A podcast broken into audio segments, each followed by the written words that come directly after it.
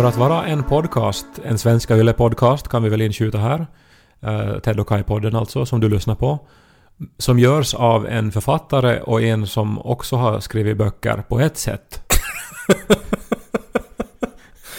Jag vill så ha det där, alltså någonstans i en officiell beskrivning.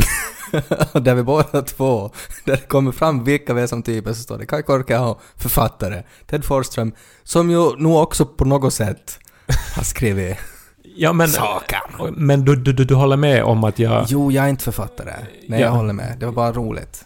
Nå, ja. Det är roligt att höra sådana där saker liksom ur din mun. Ja, nå, men jag försökte vara så här ändå artig Ja, och in, inkludera Och dig. det var därför det var skojigt. Jag menar, vi, vi har ju skrivit ungdomsböcker tillsammans. Ja, nominerade till ett fint pris nu. Mm. Är Eld, eldbärar. Eh, Alltså Nej, inte eldbärare, utan så här fackelbärare. just det, på finska heter det Tulenkantaja. Mm, Eh, Och det här är då ett fint pris som delas ut av Amulehti bland annat. just det. Och eh, ingen finlandssvensk bok har någonsin varit nominerad till det här Det är tidigare. otroligt fint. Mm. Och jag har ändå på något sätt skrivit saker till det också. Nå, ja, men, nå, ja, men för att vara en podd som görs då av två författare, typ, ja. så pratar vi väldigt lite om böcker, tycker jag. Ja, Typ ge boktips. Jag menar, du läser mycket, jag läser mycket. Ja, men då vi läser ju väldigt olika saker och du vill inte diskutera fantasy. Det är väl där det stannar, Ja, oftast. nu kan jag Du- gärna diskutera nej, fantasy. Nej, men nu också, du himlar med ögonen bara för att jag nämner genren. Du kan ju inte prata om fantasy, eller science fiction. Jag, jag har ju läst fantasy som ung och tyckt mycket om fantasy. Ja, men där kom på något sätt redan den här, den här eh, värderingen i det du sa. Du har läst fantasy, som ung, vill jag poängtera. Mm, men där är ju då skillnaden när du värderar övrig litteratur, att du har ju knappt läst övrig litteratur som vuxen.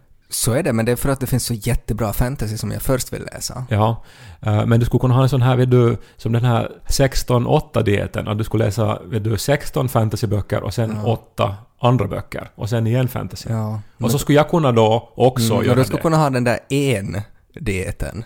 Där du skulle läsa en bok var tionde år med tanke på din läshastighet.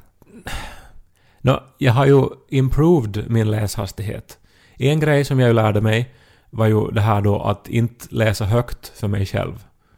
Ja, det är fortfarande ofattbart. Mm, men jag tror det är ganska många som vet du, hör texten läsas upp för sig när man läser. Och det, och det tycker jag är helt okej. Och och det har eventuellt någonting att göra vet du, med att jag stammar och att jag har gjort såna övningar när jag var barn eller någonting. Ja. Men det var någonting som hängde med och det gjorde att läshastigheten blev långsam. Mm. Men jag tror att jag tog till mig texten väldigt bra. Det var ju alltså då när de typ uppfann läsning så var det ju eh, munkarna som eh, upptäckte att det faktiskt går att läsa tyst. Vilket är ganska coolt. Alltså att, att förr när, när man pratade om att, att läsning, läsa och skriva och när, när man pratade om sådär att hej kan du läsa? Jag kan inte läsa.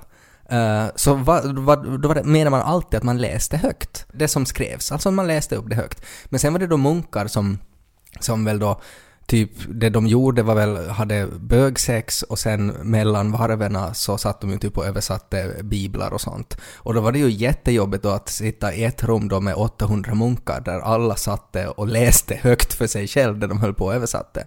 Så då var det någon där som var sådär att vad om vi skulle bara göra det i våra huvuden? Och så, ingen hade tänkt på det tidigare. Ganska intressant faktiskt. Ja men fatta att ingen har tänkt på det tidigare och tänk att är det något annat vi kan göra med våra sinnen som vi inte har tänkt på att göra tidigare? Att man kan springa men, men inte med benen eller något så här. Det är en intressant tanke bara tycker jag.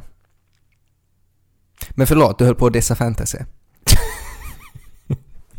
Nej, jag skulle prata om en bok jag läste helt nyligen, Mm. som inte är fantasy. Okej. Men som på ett sätt är en bok som eh, tar udden av andra sorts fantasier. När du säger tar udden, menar du då liksom svärdudden?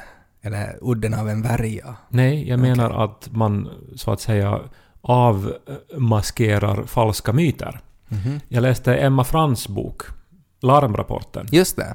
som... eh, du vet vem Emma Frans är? Jo, jag Vi ju henne. Vi träffar henne och, och av döma vad folk har pratat om i andra poddar så gjorde vi ju bort oss något fruktansvärt. Ja, det var Magnus och Peppes podcast. Där Ja. för Peppe Öhman var med. Mm. Det var hon som introducerade dig och mig till Mm. Emma Frans. Och där framförallt väl jag gjorde bort mig helt otroligt mycket och jag var full och förolämpade henne och... Jag tror Ja. att du sa någonting jättefint till henne. Du sa någonting ganska fjäskigt också. Får jag säga vad du sa till henne? Vad sa jag till henne? Eh, det här är alltså Ted Forsström när han endera då är full eller otroligt fjäskig. Okej. Hej! Du är typ 90% av orsaken till att jag är på Twitter. Sa jag faktiskt det? Ja, och det betyder ju då att, att, du otrolig alltså så här. att du la henne liksom nästan högst upp på alla människor. Men det måste ju ha varit för att det var så otroligt pinsamt då, för att eh, jag blev li- lite sådär, eventuellt mot min vilja introducerad för henne. Att jag var bara sådär att, att det där är ju Emma Frans, att jag vet vem hon är och så var Peppe sådär att nu ska vi gå och prata med henne. Eh, och jag var sådär att jag var verkligen inte beredd för det. Och sen hade jag då någon sorts så här Kalle Anka icebreaker. Ja, no, men det, eller alltså det var ju en ganska bra icebreaker egentligen. Ofta när man ska ha en icebreaker, jag också blir ju fjäskig Mm. så här. Om, jag träffar då någon äh, musiker så är det ju ofta att jag överdriver hur mycket jag gillar Mm. Ja, just men det är ju den så- senaste skivan eller någonting. Ett lätt sätt att på något sätt att närma sig någon person som man uppskattar av olika anledningar. ja, det, Fjäsk är det ju helt Nej enkelt. men fjä, alltså vill du skapa lite bra filis. Mm. Fast samtidigt så antar jag att om alla gör det där så efter ett tag så, så, det som i USA? så blir man kanske eh, att man genomskådar det då. Ja. Om man är en sån som ofta får höra sånt. Ja, det kan hända. Ja, no, men hon har skrivit en bok. Hon är ju alltså, för er som inte vet, så är hon forskare inom eh, medicin. Mm, och inom bullshit väl också, att hon genomskådar bullshit ganska mycket. Och hon har också ett Twitterkonto som är väldigt roligt för att Mm. hon, hon, hon skriver alltså både eh, Det är angelägna saker. Jag skulle säga att det är kanske 15% av, av varför jag är på Twitter. Och eh, nu har hon då skrivit en bok om hur man ska avgöra vilka nyheter som är fake och vilka Mhm. som är riktiga. Va- Okej. vad ska man tro på i dagens otroliga utbud av nyheter? Vad är Mm. fake news? Vad är inte fake news? Ja. Och hon gör det här då ur ett vetenskapligt perspektiv då. Att hon Mm. går helt enkelt igenom hur arbetar vetenskapsmän för att få fram fakta? Mm. Vad är fakta? Vad kan räknas som fakta? Och så vidare. Ja. Väldigt användbart. Ja. Uh, var lite besviken på boken kanske. Mhm. För att nå, om man nu- har st- studerat på ett universitet och är lite bekant ens med forskningsmetodik så förstår man ju de här sakerna redan. Alltså det, det är ju Mm. inte liksom... Men hon har kanske, det är kanske en lite mer populistisk bok det här som är skrivna kanske åt en målgrupp som eh, väldigt ofta går på fake news.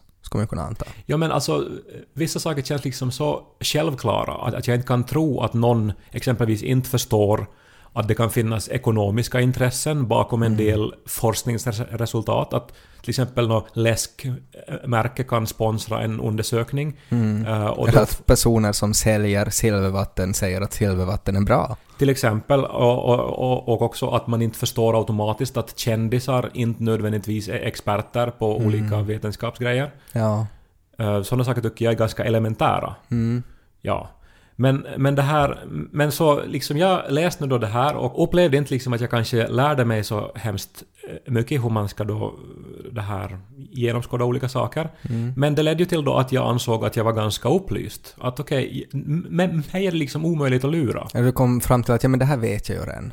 Ja, jag är Ja. liksom, jag, jag har, har ett kritiskt tänkande. Mm. Eh, några saker dock som, som hon då i sin bok upplyste mig om att alltså inte sant. Mhm. Eh, Sanningar som man ju har trott på. Ja. Eh, en var att största delen av all värme försvinner ur huvudet. Därför ska man använda mössa. Det är inte sant. Så man ska inte använda mössa? Alltså man ska använda mössa om det är kallt, men om du har eh, ingen mössa och inga byxor så, så försvinner det lika mycket värme från benen som från huvudet. Ja. Jag har aldrig hört det där ja. Men det var ju det som alla sa till en att man måste ha mössa på sig för att värmen försvinner från huvudet. Nej. Det Men var, tydligen åt här- mig så sa de sätt på dig mössa, du kan inte gå ut med det där håret. Men tydligen så härstammar det här då från en undersökning som gjordes av amerikanska armén. Mhm. eh, där de då fick... eh, de testade då att om de hade mössa eller om de inte hade mössa Mm. på sig utomhus. Och så visade det sig att det får mera värme ur kroppen om man inte hade mössa på sig. Och sen har det här levt kvar till idag. Alla mummor har anammat det här och säger det då till sina barnbarn. Det är på något sätt roligt att det är liksom att mormon får sin fakta från amerikanska armén. Men eh, sen det här, eh, en annan sak är att motion skulle vara bra mot depression. Ja, men det tycker jag nog... Jaha, så det stämmer inte. Eller det finns inte alls bevisat att det är så. Okej, det tycker jag att, att jag har sett på jättemånga gånger, att, att hur det verkligen är bevisat. Men här handlar det om Men det här just att... Här ha- handlar det just om vet du, att vad korrelerar, vad kan anses vara en följd av någonting. Mm. Att är det så att om man motionerar så är man mindre deprimerad, eller är det så att om man motionerar så är man en som inte är deprimerad? du, Mm. för att Ja, så det är svårt att ta ställning. Okej. Precis.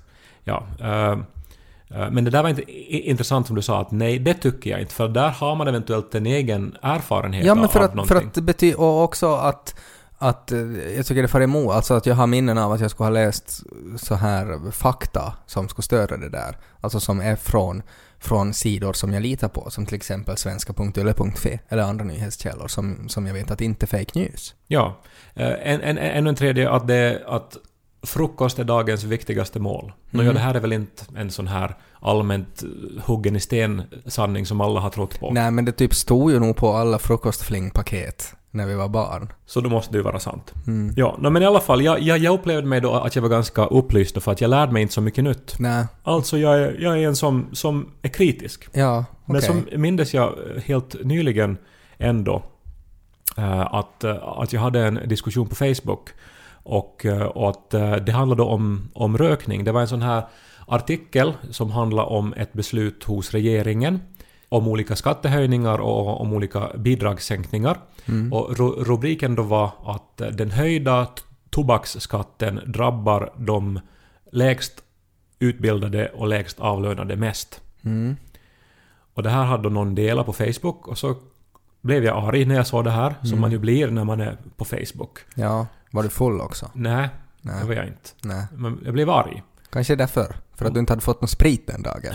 Ja, va, varför behandlar du mig som en alkoholist alltid? Nej, bara att, för att jag ser ju också när du ger dig in i de här Facebook-debatterna och med, liksom jag har ett så här flödesdiagram som jag brukar följa och, och väldigt snabbt så är så där att är Kai full? Och så är det ja eller nej. Och sen om du skriver liksom att det är rätt stavat och sådär, okej, du är kanske inte full. Så då kan man ju sen börja ta ställning till de här åsikterna. Du, du njuter ju också av när jag, när jag är full. Så njuter du av det. Och du utnyttjar På det också vilket sätt då? skamlöst. På vilket sätt? Nå, jag minns, det här är nu fem år sedan, men vi har aldrig pratat om det här. Ja, Eh, Men jag var i Mexiko på, på ett sånt här författarresidens. ja. Och där satt jag då eh, på kvällarna ibland och drack lite vin. Det låter ju som att du är på rehab. För att man hör ju citationstecknen på författarresidens. Jag hade en, en egen liten villa och så hade jag en terrass och där ute satt jag ofta på kvällarna under ett mangoträd och skrev och drack vin. Mm. Och eh, då var det morgon i Finland. Och då höll du på med ett program som heter Succémorgon. Mhm. Och eh, så hade du för vana att, att ringa åt mig. Aj, jo. Och du gjorde det här en gång. Ja, Och då var jag full när du gjorde det. jag kommer ihåg det. Ja. Och sen så tror jag att du liksom blev sporrad av det här. Mm. Och ville att jag skulle vara full. Mm. Så du ringde liksom varje kväll då, eller för er morgon. Ja, det var väldigt roligt var det. Varför var det roligt? För att du var berusad och, och för att klockan var otroligt lite på morgonen och det var jätteroligt att, att ha en fyllediskussion med en, en författare under ett mangoträd i Mexiko. Uh, tio över sex på morgnarna. Mm. Det var skojigt. Jag Men- tror många i Svenskfinland uppskattade det. Ja, men du ville ju på, på ett sätt förlöjliga mig då på något sätt. Nej, jag tycker, tycker... När blir det att förlöjliga om det är sant? När man visade om och om igen Ja, åt men- hela Ja, men om man Svenskfinland. förlöjligar så då är det sådär att... Då gör jag sådär att jag tycker i korkea och pratar med löjlig röst. Då kanske jag förlöjligar i dig. Men att om vi har, att det är faktiskt vi har Kaj med oss på tråden så då behöver jag inte förlöjliga. Då gör du det bra själv. Ja, men du skapar ju plattformen morgon efter morgon. Ja. Innehåll kallar jag det. Ja. Skulle ju inte alla vänner göra till sina vänner. Vi pratade Mm. förra veckan om ovändagen Ja. här. Eh, men, Jag tycker att man kan diskutera det här. ja. Nå, men hur som helst. Mm. Jag kommenterade argt den här rubriken att eh, den höjda tobaksskatten då skulle drabba de lägst avlönade och lågutbildade mest med att en höjd tobaksskatt drabbar väl de som röker mest. Mm. Och, då, och så tänkte jag, ja, där satt den. Ja. Jag vann, Mm. liksom. så kom det några gilla-markeringar också. Mm, och bara underströk hur, hur, hur den satt där. Ja. Men så kommer ju då Janne Wass då, chefredaktör för Ny Tid. Oh, med sina artiklar och statistik. Så kom han då med ett sånt här långt dräpande svar Mm. eh, där han då bevisar att det faktiskt är så eh, att lågavlönade och uh, lågutbildade har svårare att sluta röka Ja. än övriga. Att det faktiskt är de som drabbas värst. Och han inte bara då sk- skriver hur det är, han också har länkar till källor. Mm. Det är så här som Emma Frans säger att man ska göra. Ja, ja. Eh, och, men då... Och eh, gjorde, skrev du då “men lilla vän”? Nå, för det första läste jag ju förstås inte de här artiklarna Nej, som nej, han nej, länkar till. Utan jag letade... Ja, nej men jag sa ju då liksom helt så här tvärsäkert alltså att det är ju svårt att röka för allihopa. Mm. Jag, jag har rökt och jag har slutat röka och jag vet vad som krävs och hur svårt Mm. det är och jag vet att det hade ingen... Jag vet att det att jag lyckades sluta, det har Mm. ingenting att göra med min utbildning eller vad jag har på konto. Nej. Utan det var, det var en ren kamp. Och det tog många försök. Mm. Och- Källa Marlboro. Nej, men... Alltså, källa, min egen 100%... Livets hårda skola. Min egen erfarenhet Ja. av den här svåra saken att sluta röka. Mm. Men där gjorde ju det, du det klassiska felet att du satt liksom din egen erfarenhet och på något sätt eh, använde det som att så här är det för alla. Ja, men om man vet det där, Ja, hos sig själv. Att, att jag, jag, jag vet att det är jättesvårt att sluta röka. Mm. Men det går, alla kan göra det. Om jag klarar det så kan allihopa Ja, det. men så är det ju verkligen inte. Det, det, det är ju verkligen inte så. Det var bara på något vis då som jag förstod att, att, att, det, att om också jag som anser mig då vara så här upplyst Mm. och som är så här kritisk, om också jag faller för det där eh, musta tuntu, alltså så här känns det. Ja. Och liksom som Emma Frans tweetade då, att vetenskapen säger att så här ser världen ut. Folk, nej, det tycker jag inte. Mm. Eh, om, man, om också jag faller för det så är det ju inte konstigt att det finns jättemånga där ute då som tror på precis vad som helst.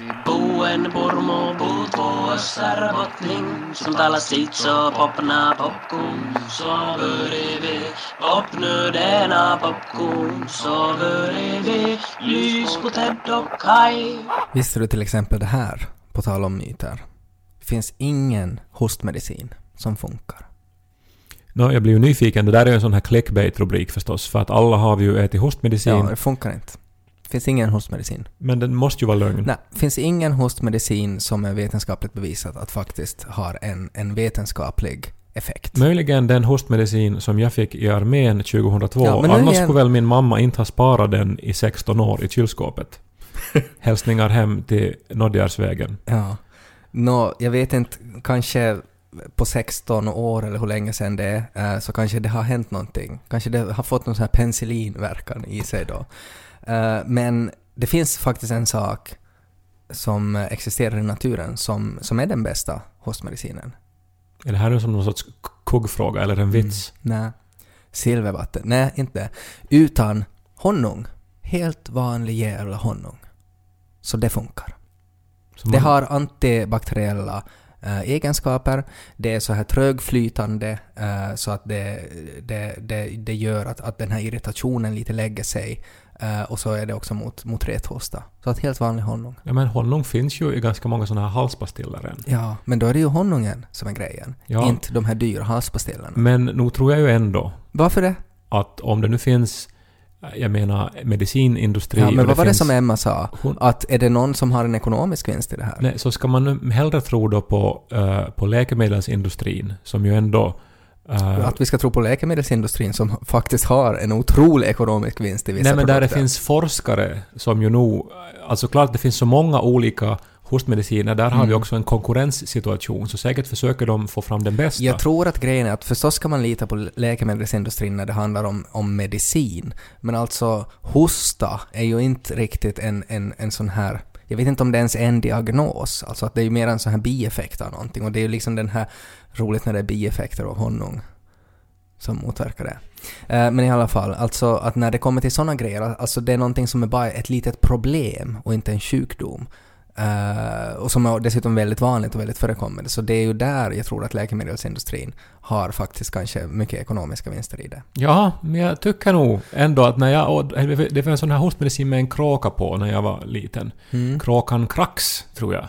För att, Kan den ju inte ha hett. för att man var ju så här krax, krax när man hade ont i halsen. Mm. Och så hade då en kråka på och den smakade ändå helt okej. Den var lite så här salmiakaktig, minns Mm. jag. Och jag vill nog tro att den funkar. Ja, du vill tro att den funkar. Mm. Men den gjorde inte. Ingen klinisk bevisad Men effekt. hur äter man ens honung? Ska man låta det rinna ner i svalget? Det är ju äckligt och det är så- otroligt sött. Hur Och, äter man ens honung? ja, och så är det så här trögflytande, man kan ju Nej, men du kan, kvävas av sätta det. det. du kan sätta det på en matsked och frysa ner det en liten stund och så kan du äta det som en slickepinne. Eller så bara sätter du på en liten tesked och sätter det i munnen. Du kan lösa upp det i vatten och dricka det. Alltså honung är ju typ som rövsvett av bin. Vad sa du just nu? Att honung är som rövsvett? Ja men det, det, det fastnar där. Det, honungen är ju det som bina livnär sig på, det är ju det som de, de bygger sina bostäder av. Inte gör man ju det av rövsvett. Nej, de bygger sina bostäder av något sånt här som de Vax. spinner. Något som de Men spinner. har du inte sett en bikupa? Ja, men är ju inte så här grå, det ser ut som så här Ja, tunt det är vax, tyg. bivax. Men det, det innehåller också honung. Allt vad bina gör så innehåller lite honung. Nu, jag är ingen bi-figur, alltså bi-expert. Nej. Fast jag tycker om Beatles Ja. och Let It Be. Jag tycker ju att det är roligt, alltså när man tänker sådär att, att, att det finns då någonting i naturen, alltså som honung. Det finns ju mycket, mycket man kan prata om honung. Visste du till exempel att de har hittat typ Kleopatras honung och det är fortfarande fullt ätbart? I min mammas kylskåp. det för, att, för att honung blir inte gammalt egentligen, det håller sig jättelänge. Uh, det, det var en liten, en, en liten parentes. Men det som jag tycker skulle vara så roligt är på något sätt att det är ju mycket med sådana här rekoringar och att man ska köpa direkt från producenten och att det, är- det är väldigt mycket sånt nu i samhället. Att jag skulle vilja att när jag köper min honung så skulle jag vilja liksom köpa det rakt av bina. Ja. Att, att det skulle faktiskt vara på något sätt att jag skulle kunna jag skulle ju inte kunna ge pengar för att en bikoloni gör ju ingenting med pengar. Utan Men en lokal biodlare, alltså menar du... Eller menar Nej, du, jag skulle vilja direkt till bina. Jag vill inte ha någon så här biodlare med någon så här smutsig mellanhand.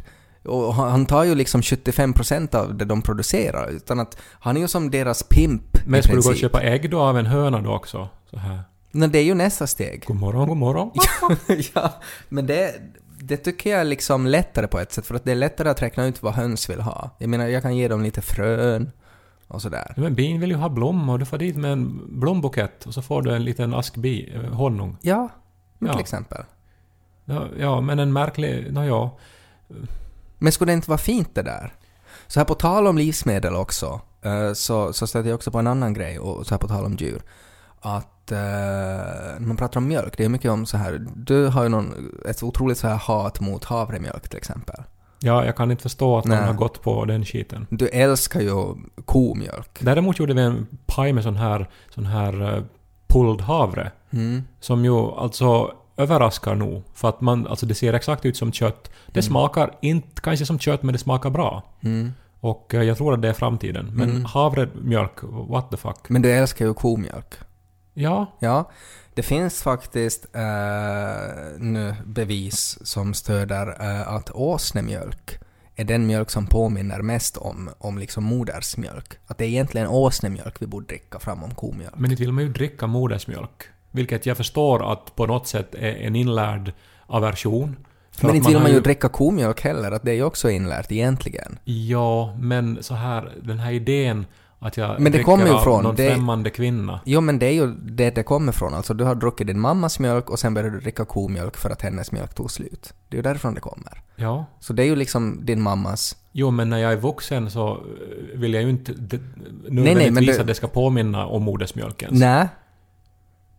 Det vill du inte, men du vill väl ändå kanske att det ska ha drag av så här att det ska påminna om någonting. Inte vet jag vad jag vill att det ska påminna om, men jag skulle bara säga det att åsnemjölk påminner mer om modersmjölk än komjölk. Ja. Det är det här, och att det kommer att vara den här nya hälsotrenden. Och sen var det ju roligt att du pratade om, om rövsvett, för att åsnemjölk på engelska blir ju ass milk. ja. Det hängde ihop på något sätt då. Ja. Ja, nej men... eh, Det finns ju alla täckdjur har väl någon sorts mjölk. Ja, men åsnemjölk är bäst. Och jag menar getmjölk gör vi ost av. Ja, fårmjölk sämre än vi- åsnemjölk. Sämre än åsnemjölk. Åsnemjölk är bäst. Ja, men vad är, vad är näst liksom? Att, Åsnemjölk. Jo, men efter det. Pulled åsnemjölk.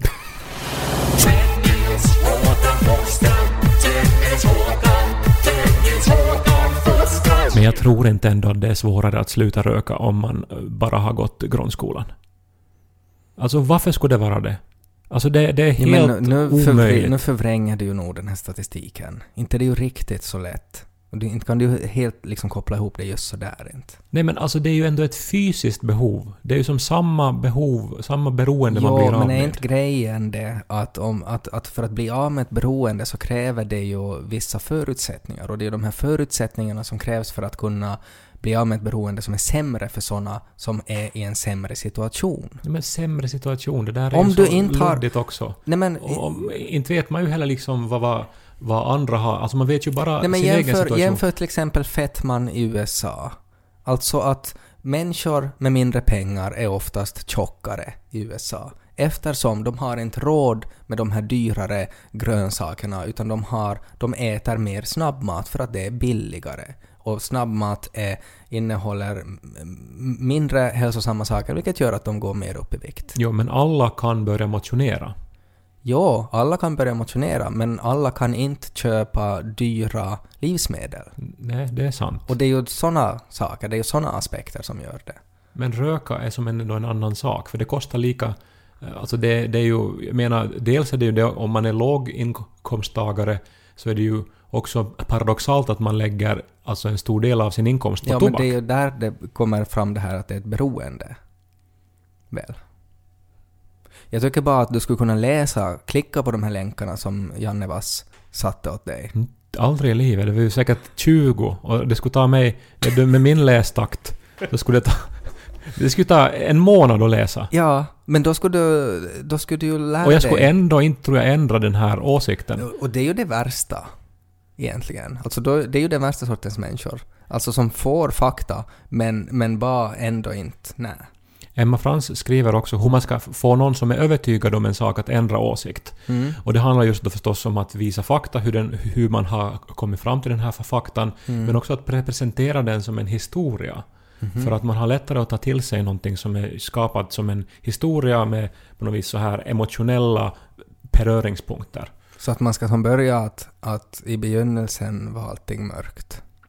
Ja, eller jag, jag upplever också att jag då skapar en historia om jag eh, pratar om min egen erfarenhet av att sluta röka. Som jag för Mm. övrigt gjorde för mer än fem år sedan. Ja. Då. Jag har inte rökt en enda cigarett på mer än fem år. Ska vi, ska vi inte höra en otro, den, den, den största applåd du hittar?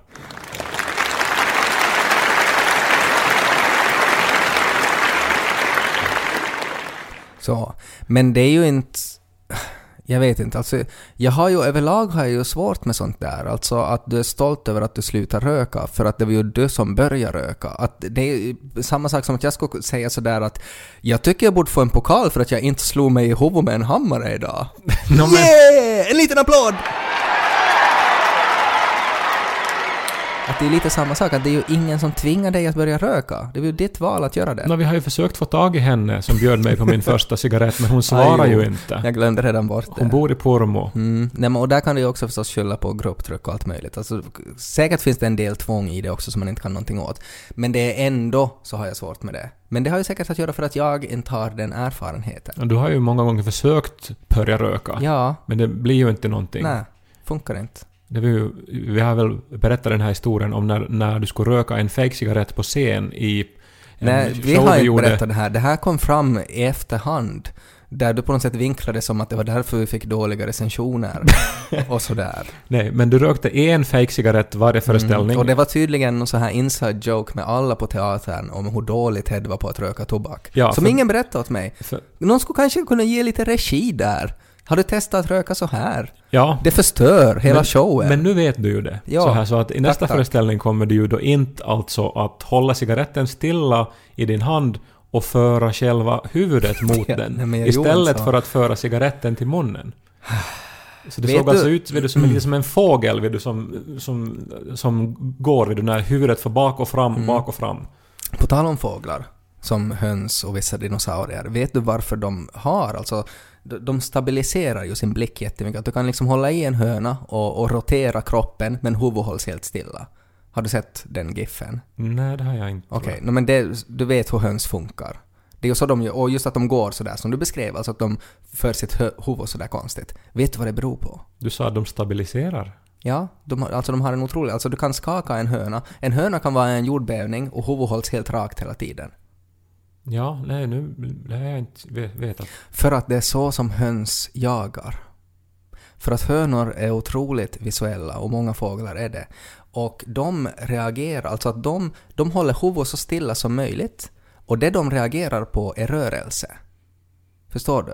Att om jag jagar maskar, jag är en höna, så för att hitta en mask så måste jag se att den rör sig. Och för att jag ska ha störst benägenhet att se var den här masken rör sig så måste jag ju vara så stilla som möjligt, hålla min blick så stilla som möjligt. Så att jag reagerar när den ena jotton rör sig. Och då ser jag ”aha, där är masken”.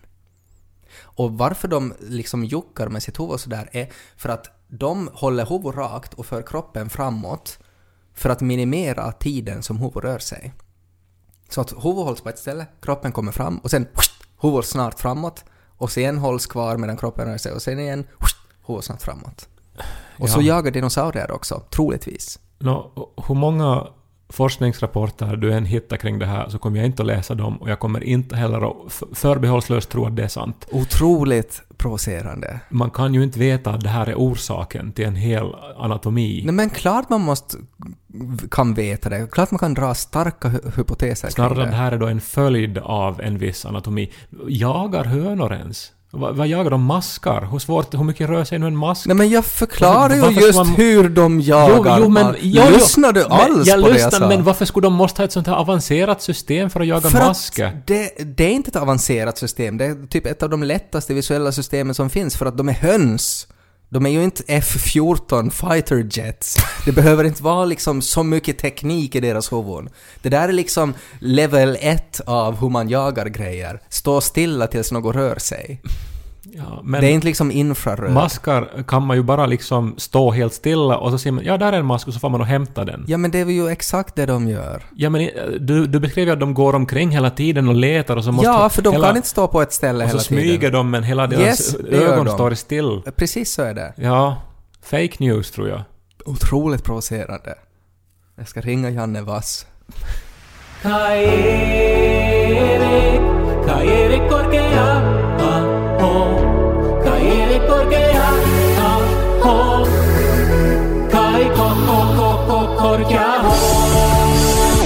Det är ju lätt att man kan välja att inte tro på fakta. Ja, men vi är ju uppväxta i en kommun där det finns en massa sådana här människor som samlas i olika lokaler där det finns tavlor på döda män och altare som just inte tror på massa fakta. Mm. Men jag tänker bara, jag, ska bara kommentera att det är ju skönt att om man har den genen. Alltså att det är ju, det är ju någonting som... Det, det är ju, alltså, jo, det är ju inte bra för, för människan som ras, alltså att de för många har den där egenskapen, men det är väldigt skönt för de som har den. Men Emma Frans tar ju också upp det här att egentligen så är det helt naturligt eftersom vi är programmerade att reagera med känslor. Mm. och att ta våra känslor på större, eller alltså att prioritera dem och vår upplevelse i, i ögonblicket framom någon sorts långsiktighet eller Ja men då, det där är så... Det där, komplexa saker. det, ja, För det handlar om att överleva i stunden. Ja, men då det finns, det är så mycket, om, om vi pratar om att överleva i stunden och att det handlar om att lita på sina känslor och sådär, så där är till exempel rädsla, är ju, en- det är ju väldigt fucked up det. För att det är på något sätt kanske den starkaste känslan som vi har, som vi ju har så att vi inte ska dö, så att vi ska kunna ha sex och skapa mera människor. Och den är ju inte lika relevant något mer idag. Alltså det var ju jätte, jättebra på stenåldern. Så var det super att bli rädd, för då sprang man snabbt bort och överlevde. Och de som inte blev rädda, som blev kvar, så de blev ihjältrampade av en mammut. Men att idag så finns det inte lika många saker att vara rädd för. Det finns inga sabeltandade tigrar idag i samhället. Och- Det har ju gjort till att våra hjärnor har fått fel i huvudet och, och blir rädda för dumma grejer istället och så får man ångest eller, eller nedstämdhet. Vi tittade ju på Henrik Schyffert som var här i Helsingfors och drog en show. Var Mm. inte rädda hette ju den. Mm. eh, Som jag ju alltså kom att tänka på nu då. Och han pratar ju mycket, som faktiskt hör ihop med det här som Emma Frans skriver om också, att när man misstolkar fakta, eller när man inte ser hela bilden av någonting, så då blir man ju rädd. Och sen också menar han väl det här att vi, vi är allt mer eh, isolerade och på något vis, i- vi, vi har kommit bort från det här kollektiva och istället i- isolerar oss liksom i små online-bubblor och att det då gör att man också är mer benägen att eh, ta, ta åt sig såna här skrämselpropaganda. Mm. Och eh, det, det hör ju allting ihop med det här. Men den här åsnemjölken då? Var, liksom, hur kommer den in? Jag kommer aldrig och aldrig någonsin att dricka åsnemjölk. Varför inte? Varför skulle jag göra det? För att det påminner mer om bröstmjölk än komjölk. Att, och enligt en... Men det där är någon sån här heterogrej nu då så här att... Nej men mm, enligt en sorts... Enligt en sorts... Otroligt äckligt alltså också. Att om, det Vadå? skulle, nej men om det skulle börja komma mjölk ur brösten när man liksom har sex, kan det göra det? Men det beror väl på hur mycket Men björk... som då håller man på då Åh, du är så bra. Och Ja, men dina när kvinnan är... bröst och så mitt i allt kommer det en stråle liksom mjölk i fejset på en. Ja, men det kan väl den gravida kvinnan ingenting åt då i så fall, om det är så att, att hon har bröstmjölk. Då är det liksom när brösten producerar jättemycket mjölk är det ju sådär att, att det kan liksom står man i tillräckligt hård vind så kan det liksom spruta ut mjölk. Rekommenderar till alla lyssnare eh, sex med karlar. Mm. Om man är karl. Eller till alla kvinnor då sex. Men det vet jag ingenting om. Jag kan inte rekommendera det. Men jag rekommenderar sex med karlar. Mm. Eh, väldigt eh, så här straightforward och Jag kan rekommendera- okomplicerat. Jag kan rekommendera sex med kvinnor. Lite mer komplicerat, kanske. Alltså sex med karlar måste ju vara mindre komplicerat för att man vet ju vad det är för verktyg. Liksom. Det finns samma skruvmejslar i, i, i, i, i, lådan helt enkelt. Men med kvinnor så vet man inte riktigt.